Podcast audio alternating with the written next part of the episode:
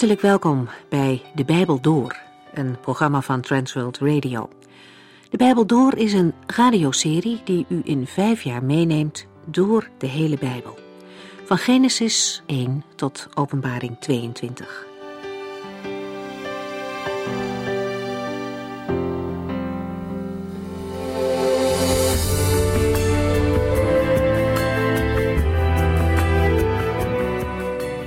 Vandaag gaan we verder met 1 Samuel. De vorige keer begonnen we met de derde hoofdpersoon in dit boek, namelijk David. Opvallend is dat om alle drie de hoofdpersonen gevraagd is. Het Bijbelboek begon met Hanna, die de Heere dringend vroeg om een zoon. Ze noemt die zoon Samuel, dat betekent van God gebeden. En dit geschenk van God voor haar, deze zoon, Samuel, heeft veel zegen gebracht. Want Hanna vroeg niet zomaar om een zoon, zij vroeg om een zoon die ze aan de Heere kon geven. En als tweede noem ik Saul, de eerste koning. Om hem was ook gevraagd, namelijk door het volk zelf. Hun motieven waren minder geestelijk. Ze wilden niet langer rechtstreeks onder het koningschap van de Heere God vallen, maar een koning uit hun eigen volk hebben. Het hart van Saul bleek helaas niet trouw te zijn aan God. En daarom wordt er om een derde man gevraagd. Samuel moest een nieuwe koning zalven, zonder te weten wie. Hij wist alleen dat het een van de zonen van Isaï moest zijn. En toen hij zeven sterke mannen had gezien, was de nieuwe koning er niet bij. En dus vroeg Samuel of er nog een zoon was. En hij vroeg door totdat hij duidelijkheid van de Heere had gekregen. David werd geroepen en uiteindelijk werd David gezalfd tot koning. In de komende hoofdstukken zien we dat Davids hart altijd naar de Heere uitging. En dat onderscheidt hem van Saul. We hebben de vorige keer ook gelezen over Davids overwinning op Goliath. De reus die spotte met de heren en onverslaanbaar leek. Totdat de jonge David kwam. Eigenlijk kwam hij alleen maar omdat zijn vader hem gestuurd had om te informeren of alles goed ging met zijn broers in het leger en om hen eten te brengen. En dat doet David. Een grote geloofsdaad begint met gewoon werk en trouw daarin te zijn. Het verhaal is bekend. David kijkt over de reus heen op naar de Here en hij weet dat God het laatste woord heeft. Wat zijn de reuzen in onze tijd die ons imponeren en misschien wel bang maken? Reuzen die spotten met God. Laat u niet afschrikken door hen. Angst voor mensen is een valstrik, maar wie op de Here vertrouwen, zullen veilig zijn, staat in spreuken. En dat is ook wat David deed. Hij heeft veel tijd met de Here doorgebracht toen hij op de schapen paste. En hier zien we de gevolgen. Hij ziet de reus weliswaar, hij onderschat de vijand niet, maar David weet ook dat die reus niks voorstelt in Gods ogen. En in dat geloof verslaat hij de reus. Niet met menselijke wapens, maar een geloof in God. Laten we verder lezen en bemoedigd worden door het geloofsvoorbeeld van David.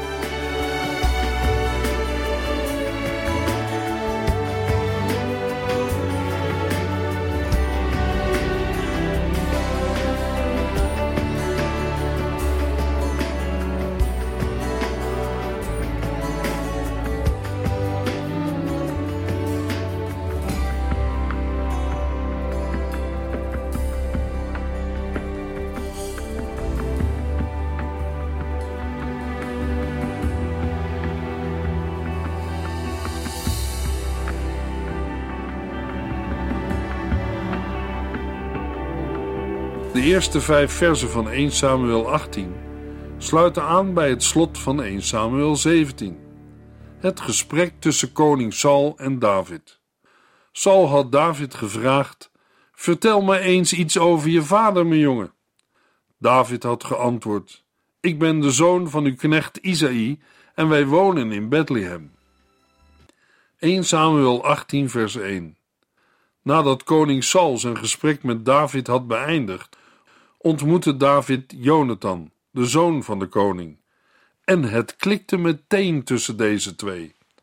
Op dat moment ontstond een hechte vriendschap tussen Jonathan en David. Jonathan, de heldhaftige oudste zoon van Saul, sluit vriendschap met David. Beiden hebben de Heere oprecht lief en ze laten zich in hun beslissingen leiden door op de Heere te vertrouwen. De heldendaad van David leidt tot een verzoek van Saul. De koning wil dat David niet meer periodiek terugkeert naar zijn vader in Bethlehem, maar dat hij permanent aan het hof blijft.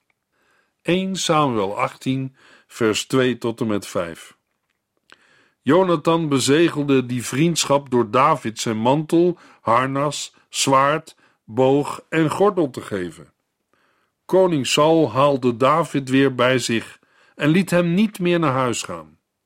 David was Sauls speciale gezant en volbracht alle veldtochten van de koning steeds met succes. Daarom maakte Saul hem bevelhebber over zijn troepen en David werd een geliefd man bij het leger en het hele volk. Na deze mededeling richt de aandacht zich opnieuw op de verhouding tussen Jonathan en David. Jonathan sluit een verbond met David. Als teken schenkt hij hem zijn kleding, zwaard, boog en gordel. Daarmee draagt Jonathan als kroonprins de tekenen van zijn waardigheid over aan David. Later zal Jonathan erkennen dat het koningschap aan David toebehoort.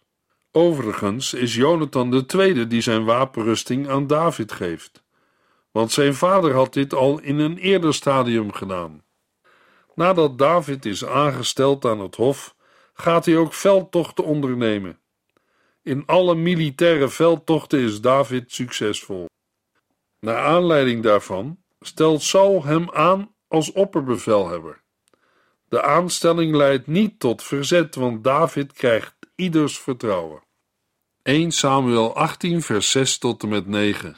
Maar er was iets onaangenaams gebeurd toen het triomferende leger van Israël terugkeerde nadat David Goliath had verslagen. Vrouwen uit alle steden stonden langs de kant van de weg om koning Saul toe te juichen. Zij zongen en dansten van blijdschap op de muziek van trommels, tamboerijnen en cymbalen. Zij zongen dit lied: Saul heeft zijn duizenden verslagen en David zijn tienduizenden. Dat wekte de woede van Saul. Wat zullen we nu krijgen? zei hij bij zichzelf. Ze rekenen David tienduizenden toe en mij slechts duizenden? Als dat zo doorgaat, maken ze hem nog eens koning. Vanaf die tijd keek Saul met wantrouwende blikken naar David. In een nieuw gedeelte zien we wat er gebeurt wanneer Saul en David terugkeren van het slagveld. Vrouwen uit de steden in het gebied waar David en Saul doorheen reizen, trekken uit en gaan het overwinnende leger tegemoet. Zij ontvangen Saul en de zijnen met zang, rijdans, tamboerijnen en cymbalen. De vrouwen roepen met blijdschap dat David meer Filistijnen heeft verslagen dan Saul. Saul wordt boos en zegt dat alleen het koningschap nog aan David ontbreekt. Vanaf die dag kijkt Saul wantrouwend naar David. 1 Samuel 18, vers 10 tot en met 12. De volgende dag overviel de boze geest van God Saul opnieuw en hij ging als een razende tekeer. David probeerde hem net als voorheen te kalmeren met zijn harpspel. Maar Saul, die een speer in zijn hand had, wierp deze plotseling naar David met de bedoeling hem aan de muur te spietsen. David kon de speer tot twee keer toe nog net ontwijken en maakte dat hij wegkwam. Toen begon Saul bang te worden voor David, omdat hij merkte dat de Heer hem had verlaten en nu met David was. De volgende morgen grijpt de kwade geest Saul opnieuw aan. De koning gaat als een razende te keren. Zoals gebruikelijk probeert David door op de harp te spelen Saul tot rust te brengen. Op dat moment werpt Saul een speer naar David. Tot tweemaal toe weet David aan een aanslag te ontkomen. De koning wordt vervolgens bang voor David, omdat de Heere David beschermt en hij van Saul is geweken. Dan komt Saul tot een nieuwe maatregel. 1 Samuel 18, vers 13. Ten slotte verbood Saul hem in zijn omgeving te komen. David kreeg de leiding over een kleine troepenmacht en moest vooraan in het leger optrekken. Mogelijk heeft Saul de gedachte gehad dat David in een gevecht gedood kon worden als hij aan het hoofd van de soldaten uittrok. Deze kwade bedoeling van Saul tegenover David komt verder in 1 Samuel 18 nog duidelijker naar voren. David komt in een risicovolle positie terecht en is niet meer dagelijks aan het hof. 1 Samuel 18, vers 14 tot en met 16. Hij bleef succesvol in alles wat hij deed, omdat de Heer hem hielp. Toen koning Saul dit doorkreeg, werd hij nog banger voor hem. Maar heel Israël en Juda droegen David op handen, omdat hij al zijn werk voortreffelijk deed. De beslissing van Saul leidt er niet toe dat de reputatie van David verandert. Hij ervaart voorspoed en daaruit blijkt dat de Heere met hem is. Ook Saul komt tot die ontdekking en dat maakt hem steeds banger. Israël en Juda worden in toenemende mate loyaal aan David door zijn vele overwinningen. Door Gods hulp groeit het gezag van David. 1 Samuel 18, vers 17 tot en met 22.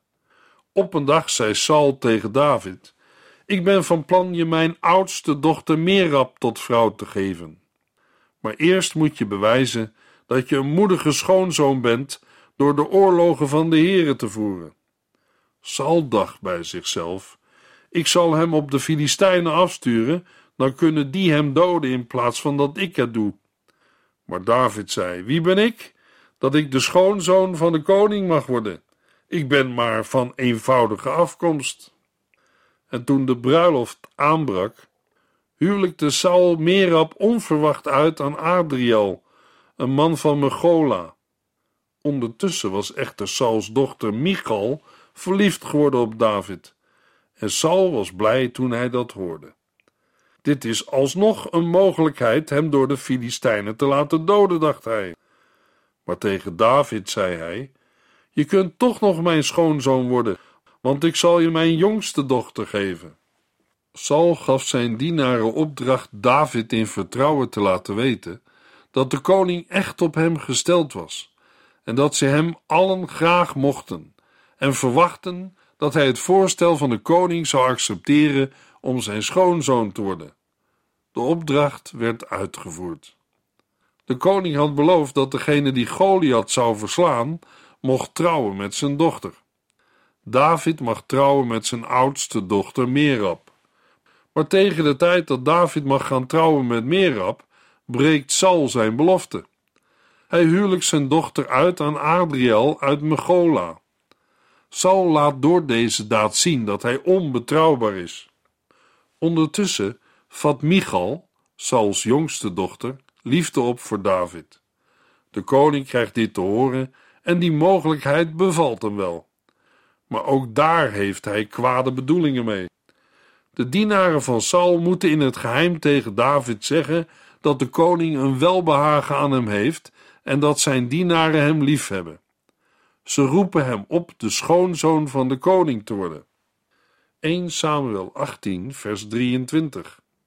Maar David zei: Hoe kan een arme en onbeduidende man als ik een bruidschat bijeenkrijgen die groot genoeg is om schoonzoon van de koning te kunnen worden? Net als toen hem het aanbod werd gedaan met Merab te trouwen, reageert David afwerend en geeft aan dat dit een te hoge positie voor hem is. De mannen van Saul brengen de woorden van David over aan de koning. Als antwoord krijgt hij te horen dat koning Saul als bruidschat honderd voorhuiden van de Filistijnen wil ontvangen.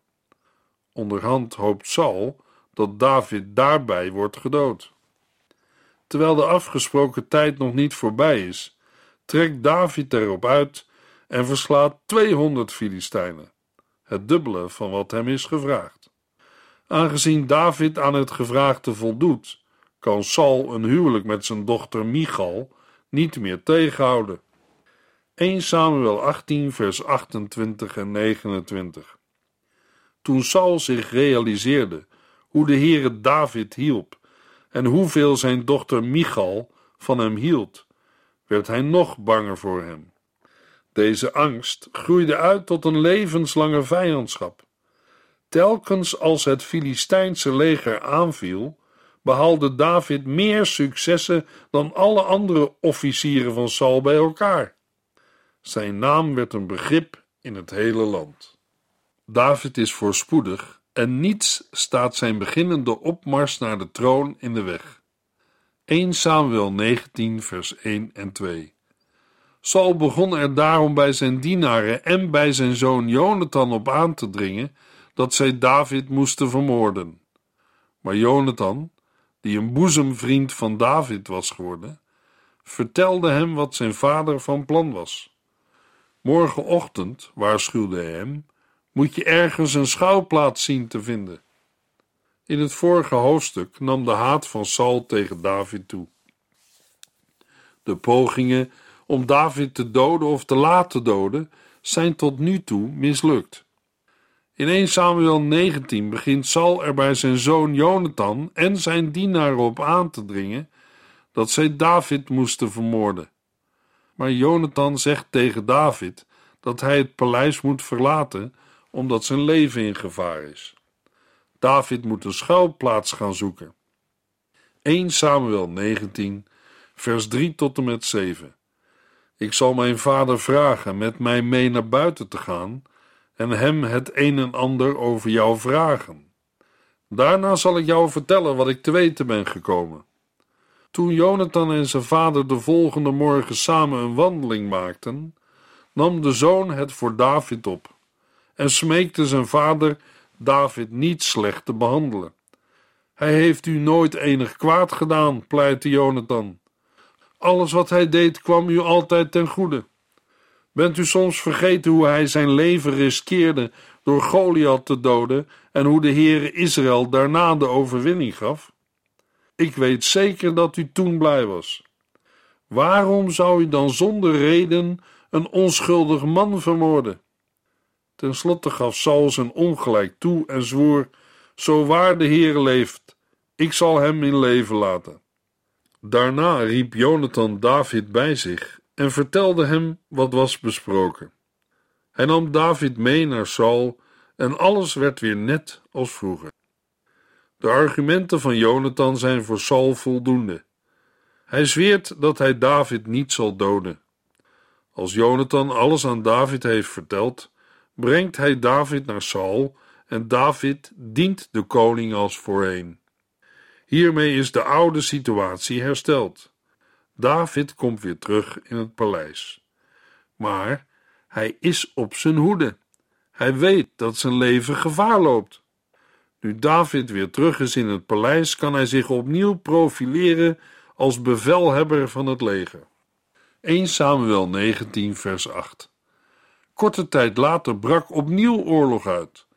David voerde zijn troepen aan tegen de Filistijnen en behaalde een grote overwinning. Hun hele leger sloeg voor hem op de vlucht. David trekt ten strijde en brengt de vijand een zware slag toe. Het gevolg van de nederlaag is dat de Filistijnen voor de Israëlieten wegvluchten. En wat is de reactie van Saul op dit succes? 1 Samuel 19, vers 9 en 10. Maar op een dag zat Saul thuis met zijn speer in de hand, toen opeens weer de boze geest van God over hem kwam. David was al gekomen om op de harp te spelen, maar plotseling gooide Saul met dezelfde bedoeling als tevoren de speer in Davids richting. David dook echter weg en vluchtte de nacht in. De speer bleef trillend in de muur steken. Na deze overwinning gaat het opnieuw slecht met Saul, omdat een kwade geest van de Heere weer over hem komt. Op dat moment zit Saul thuis en houdt zijn speer in de hand. Zoals gebruikelijk gaat David op zijn harp spelen om de koning tot rust te brengen. We kennen de situatie uit 1 Samuel 18. Ook nu valt Saul aan en probeert David te vermoorden, maar de aanslag mislukt. David vlucht naar huis en brengt zichzelf in veiligheid. 1 Samuel 19, vers 11 tot en met 13. Saul stuurde soldaten om Davids huis te bewaken en hem te doden als hij s'morgens naar buiten zou komen. Als je vannacht niet vlucht, waarschuwde Michal hem, zul je morgenochtend dood zijn. Zij hielp hem door een raam ontvluchten. Daarna pakte zij het beeld van de huisgod, legde dat in zijn bed, trok er dekens overheen en legde het hoofd op een kussen van geitenaar. Voor het woord huisgod staat er in het Hebreeuws terafim. In veel gevallen zijn het kleine beeldjes, maar hier is het een grotere afbeelding. Het is mogelijk dat deze beelden met vooroudercultus te maken hebben gehad. Samuel heeft in 1 Samuel 15 tegen Saul gezegd dat koppigheid te vergelijken is met het dienen van afgodsbeelden, terafim. Het is veelzeggend dat Michal een dergelijk beeld in huis heeft. David vlucht en Michal maakte zijn bed zo op dat het lijkt alsof hij nog in ligt. 1 Samuel 19, vers 14 tot en met 18. Toen de mannen kwamen om David gevangen te nemen, vertelden zij hun dat hij ziek was en niet uit bed mocht. Saul beval hem dan maar met bed en al bij hem te brengen, zodat hij hem kon doden. Maar toen zij terugkwamen om hem op te halen, kwamen zij erachter dat in het bed een beeld lag. Waarom heb je mij bedrogen en liet je mijn vijand ontsnappen? wilde de woedende Saul van zijn dochter weten. Ik moest wel, antwoordde Michal. Hij dreigde mij te doden als ik hem niet zou helpen. Zo wist David te ontvluchten. Hij ging naar Rama om Samuel op te zoeken en vertelde hem wat Saul had gedaan. Samuel nam David toen mee naar Najot, waar ze enige tijd bleven. Michal wordt in het paleis ontboden en Saul vraagt waarom zij hem heeft bedrogen. Zij antwoordt dat David haar zou doden als ze hem niet had laten gaan. Deze leugen redt haar leven. Ondertussen heeft David tijd om te vluchten. Hij gaat naar Rama om Samuel te ontmoeten. David vertelt alles wat Saul hem heeft aangedaan. De twee mannen vertrekken naar Najot, een locatie in de stad Rama waar zich profeten bevinden. Waarschijnlijk een afgezonderde woonplaats van een groep mannen die verbonden zijn door hetzelfde beroep. Het nieuws over de plaats waar David zich bevindt wordt bekend. Wanneer Saul dit hoort, stuurt hij een groep boden om David te halen. In vers 19 tot en met 24 wordt beschreven hoe Saul probeert David te arresteren, maar de Heere dat voorkomt door de Heilige Geest over de soldaten en ook over Saul te laten komen. Het gegrepen zijn door de Geest van God houdt in dat de Heere bepaalt wat Saul gaat doen. Saul wordt door de Geest gedrongen de Heere te loven, en in die toestand komt hij aan in Najot. Daar trekt hij zelfs zijn kleren uit. Ondertussen profeteert hij en samen met anderen looft hij de Heere. Het uittrekken van de kleding en naakt liggen geldt in het Oude Testament als iets schandelijks. Daarom moeten we de naaktheid van Saul hier opvatten als een vernedering. Het is de geest van de Heere die Saul vernedert. De man die geprobeerd heeft David te doden, ligt als verslagen op de grond. Steeds openlijker wordt David bedreigd door Saul, maar hij wordt gered door twee kinderen van Saul, Jonathan en Michal. Daarmee raakt Saul zelfs geïsoleerd van zijn eigen bloedverwanten. Het is treffend hoe David de liefde heeft gewonnen van mensen die, gezien de bloedband, tegen hem hadden kunnen zijn. Aan het slot van 1 Samuel 19 komt de Heere David persoonlijk te hulp door Saul publiekelijk te vernederen. De strijd wordt door de Heere zelf gevoerd. Wie vanuit het geloof leeft, mag weten dat de Heere voor hem of haar strijdt. 1 Samuel 20 vers 1 David vluchtte hierna weg uit Najot bij Rama en ontmoette Jonathan. Wat heb ik misdaan? riep hij uit. Waarom is je vader zo vast besloten mij te doden? 1 Samuel 20 begint met de mededeling dat David wegvlucht uit Najot te Rama en terechtkomt bij Jonathan. Uit de verschillende pogingen van Saul om hem in Rama gevangen te nemen, leidt David af dat zijn leven in gevaar is. Het is op zichzelf opmerkelijk dat David naar Jonathan toe gaat, terwijl hij ervan overtuigd is dat Saul hem zal doden. Hij had zich ook ergens ver weg kunnen verstoppen. Mogelijk is het verbond tussen David en Jonathan de reden dat hij naar Gibea gaat om de kwestie aan de zoon van de koning voor te leggen.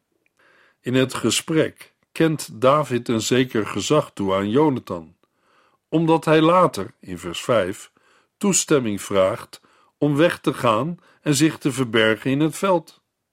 Het gesprek tussen de beide mannen begint met Davids vraag waarom Saul hem wil doden.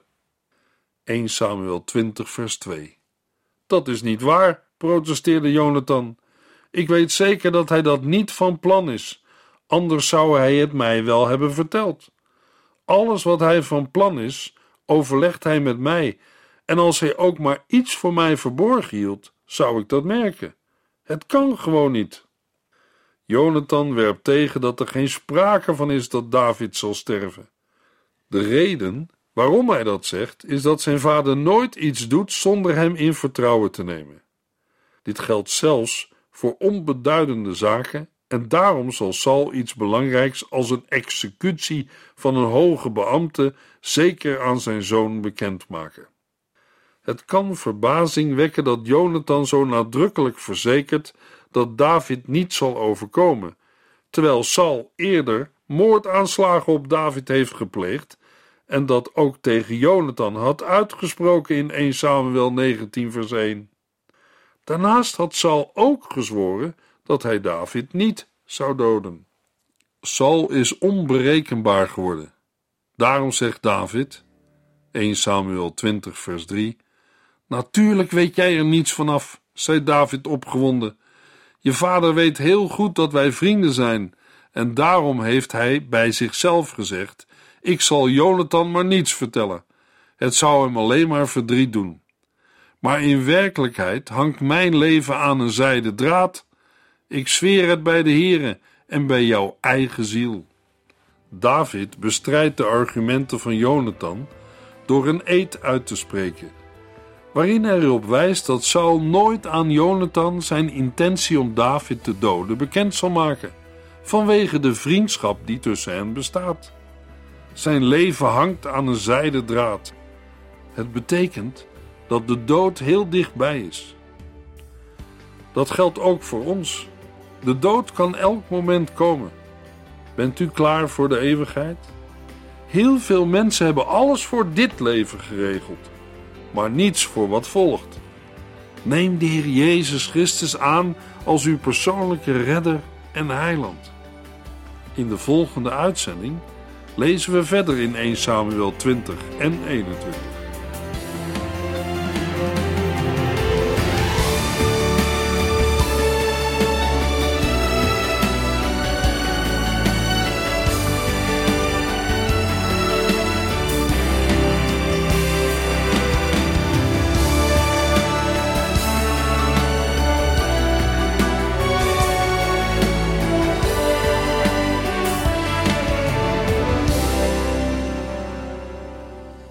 Geluisterd naar De Bijbel Door. In het Nederlands vertaald en bewerkt door Transworld Radio. Een programma waarin we in vijf jaar tijd de hele Bijbel doorgaan. Als u wilt reageren op deze uitzending of u heeft vragen, dan kunt u contact met ons opnemen. Tijdens kantooruren kunt u bellen op 0342 47 8432. 0342 47 8432. 32. Ook kunt u een e-mail sturen naar de Bijbel door transworldradio.nl en natuurlijk kunt u ook via de post ons bereiken. TWR, postbus 371, postcode 3770, AJ in Barneveld. Dit programma werd gepresenteerd door Cor Weda en Ike André. Techniek was in handen van Odin van Woerdekom. En wij allemaal bedanken u voor het luisteren. Graag tot de volgende keer.